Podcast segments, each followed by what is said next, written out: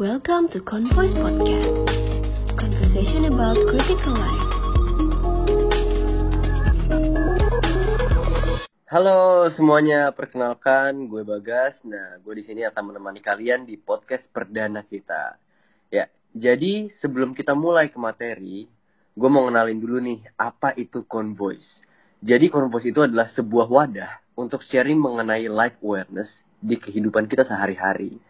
Jadi kita akan sharing semua tentang keresahan-keresahan yang biasanya terjadi di kalangan anak muda maupun eh, anak-anak yang sudah beranjak tua gitu kan. Nah, untuk season perdana dan episode perdana ini, kita mau ngebahas tentang quarter life crisis.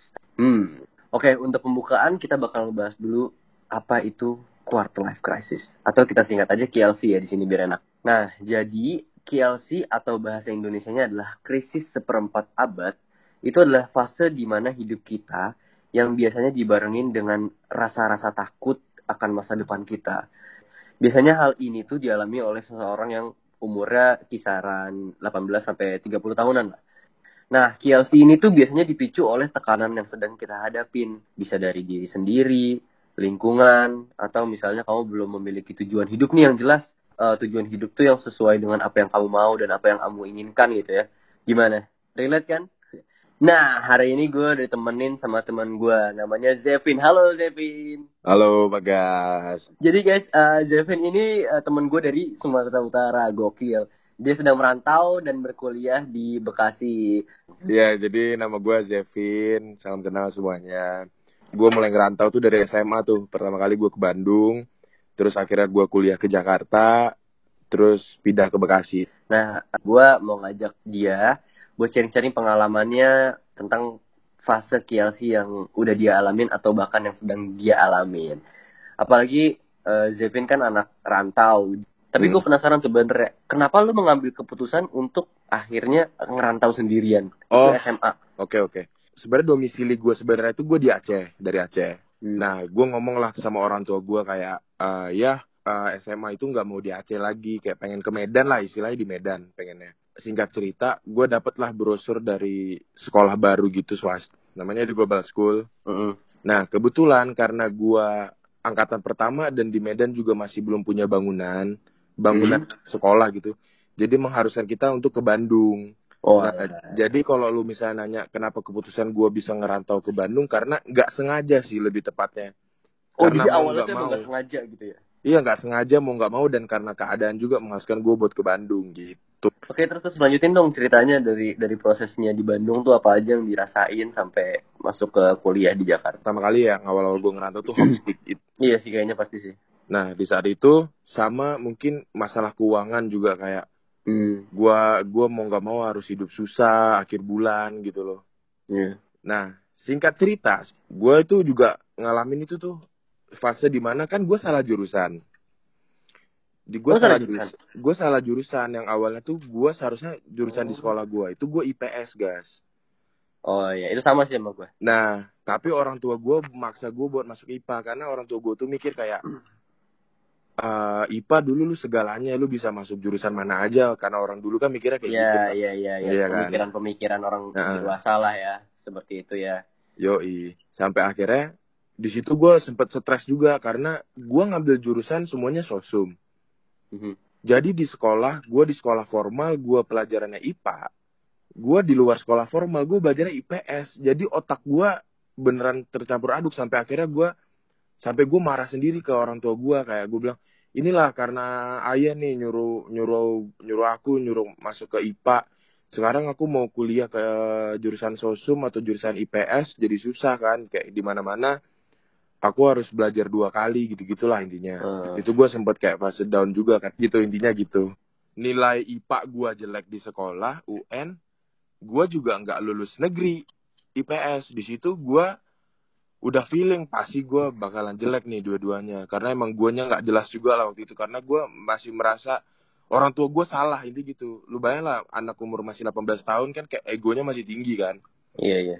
gitu loh ya udah gue di situ mulai nyari lah kampus-kampus swasta sebelum gue SBMPTN tuh gue udah nyari cadangan kan akhirnya dapet lah gue satu universitas swasta di daerah Jakarta gitu Apa tuh universitas apa tuh? di LSPR kebetulan.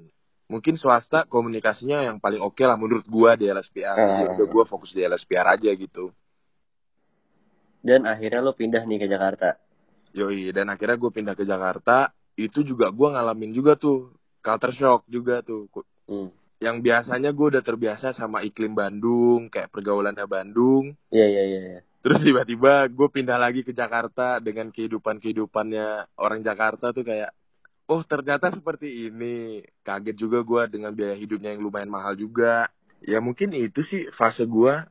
Tapi kalau tapi kalau misalnya dari sekian banyak ya cerita lo yang udah lo alamin dari SMA sampai sekarang, lo punya gak sih satu kunci buat cara lo mengatasi pro- fase KLC itu tadi? Itu bisa disebut sebagai fase KLC, Pak ya? Mungkin fase QLC buat anak perantauan kali ya. Iya fase ya fase KLC yang berbeda-beda mungkin ada anak-anak rantau juga yang tidak merasakan itu atau misalnya ada Iya. anak-anak rantau yang mungkin ngerantau tapi tinggalnya sama keluarga atau gimana gitu walaupun ya beda-beda lah ya.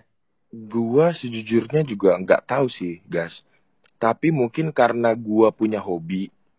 Hobi gua BTW gue suka naik gunung gitu loh, kayak camping. Terus Ah. kedua, gua karena punya lingkungan yang positif, circle yang positif. Jadi di saat gua lagi kangen rumah atau enggak gua di saat gua fase-fase gua down, gua tuh nggak takut buat cerita ke teman-teman terdekat gua. Satu. Hmm. Dan kedua, pelarian gua itu misalnya gua lagi di mana stres, pelarian ya, tapi bukan menghilangkan tuh. Gue selalu eh, kayak ke alam gitu loh. Tapi memang nggak tahu ya, gue ketika merasa di alam tuh kayak gue bisa ngobrol sama diri gue sendiri kayak. Ada ada proses healing ya ketika Iya ada proses healingnya. Nggak mesti ke alam juga. Gue buat cerita atau curhat ke teman-teman gue untuk mencari jawaban. Walaupun kadang nggak terjawab sama mereka, tapi gue seenggaknya lebih lega. Mungkin itu yang gue lakuin ketika gue dari SMA bahkan sampai sekarang.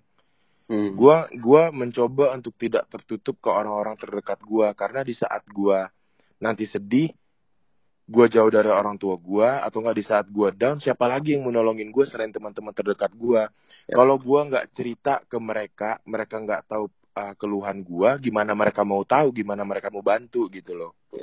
Pada dasarnya Itu kita semua makhluk sosial gitu ya. Seansos-ansosnya lu di dunia sosial, pasti lu punya satu orang deh buat lu cerita, nggak mesti di dunia nyata atau di dunia maya, pasti lu punya deh Hmm. buat orang temen cerita gitu. Nggak mesti banyak, satu orang aja gitu loh. Iya. iya, iya. Nah untuk sekarang sih uh, struggle terbesar gua adalah karena gue udah nyentuh di kepala dua. Struggle terbesar gue yang mau gua jalanin ke depannya adalah gimana caranya gua harus bisa ngelepas payung dari orang tua gua. Gua gue percaya orang tua gua mungkin dia merasa kayak udahlah uh, ayah sama mama masih bisa ngasih duit kamu per bulan, Hmm. gak usah lah kerja, fokus aja dulu pendidikan. Cuman kan posisinya gua yang di sini kan kayak gue takut rasa nyaman itu tuh ada takut rasa nyaman duit per bulan gue dikasih itu ada itu yang gue takutin banget Iya. sebenarnya nah itu Betul. keresahan gue sekarang Iya, jangan, jangan sampai kita ketika eh, kemudahan yang diberikan sama orang tua kita itu udah nggak ada, kita nggak siap gitu ya. Bukan hanya bukan untuk menggurui tapi gue hanya Iya. untuk sharing-sharing aja Nggak apa-apa untuk belajar gitu. Ketika ada orang-orang yang memang sudah pernah melakukan itu duluan, atau memang orang-orang yang sudah punya pengalaman yang lebih, nggak usah ragu untuk dan nggak usah malu ya untuk bertanya Iya. dan nyari tahu saran dan lain-lain itu sebenarnya sangat fine orang-orang yang sudah sukses juga mas mereka masih punya advisor dan lain-lain bahkan Raja punya penasehat gitu kan. Yap. Nah, Jevin ada nggak yang mau disampaikan nih ke teman-teman semuanya nih. Iya. intinya ketika lu punya masalah cobalah lu cerita ke orang-orang terdekat tuh yang lu percaya buat lu cerita ke mereka Eh, dan lu jangan takut buat mengambil keputusan sih sebenarnya karena keputusan yang lu ambil waktu itu bisa aja menjadi jalan buat lu di masa depan gitu loh Iya. Jadi kalau menurut kalian nih sisi positif dari episode ini bisa banget kalian ambil. Yang negatif atau yang misalnya nggak cocok sama kalian nggak apa-apa, nggak usah diambil. Semoga bisa jadi inspirasi buat kalian dan kita semua senang kalau misalnya kita bisa menemani kalian gitu di mana pun kalian berada dan kapan pun kalian berada. See you guys. Sampai jumpa di episode selanjutnya.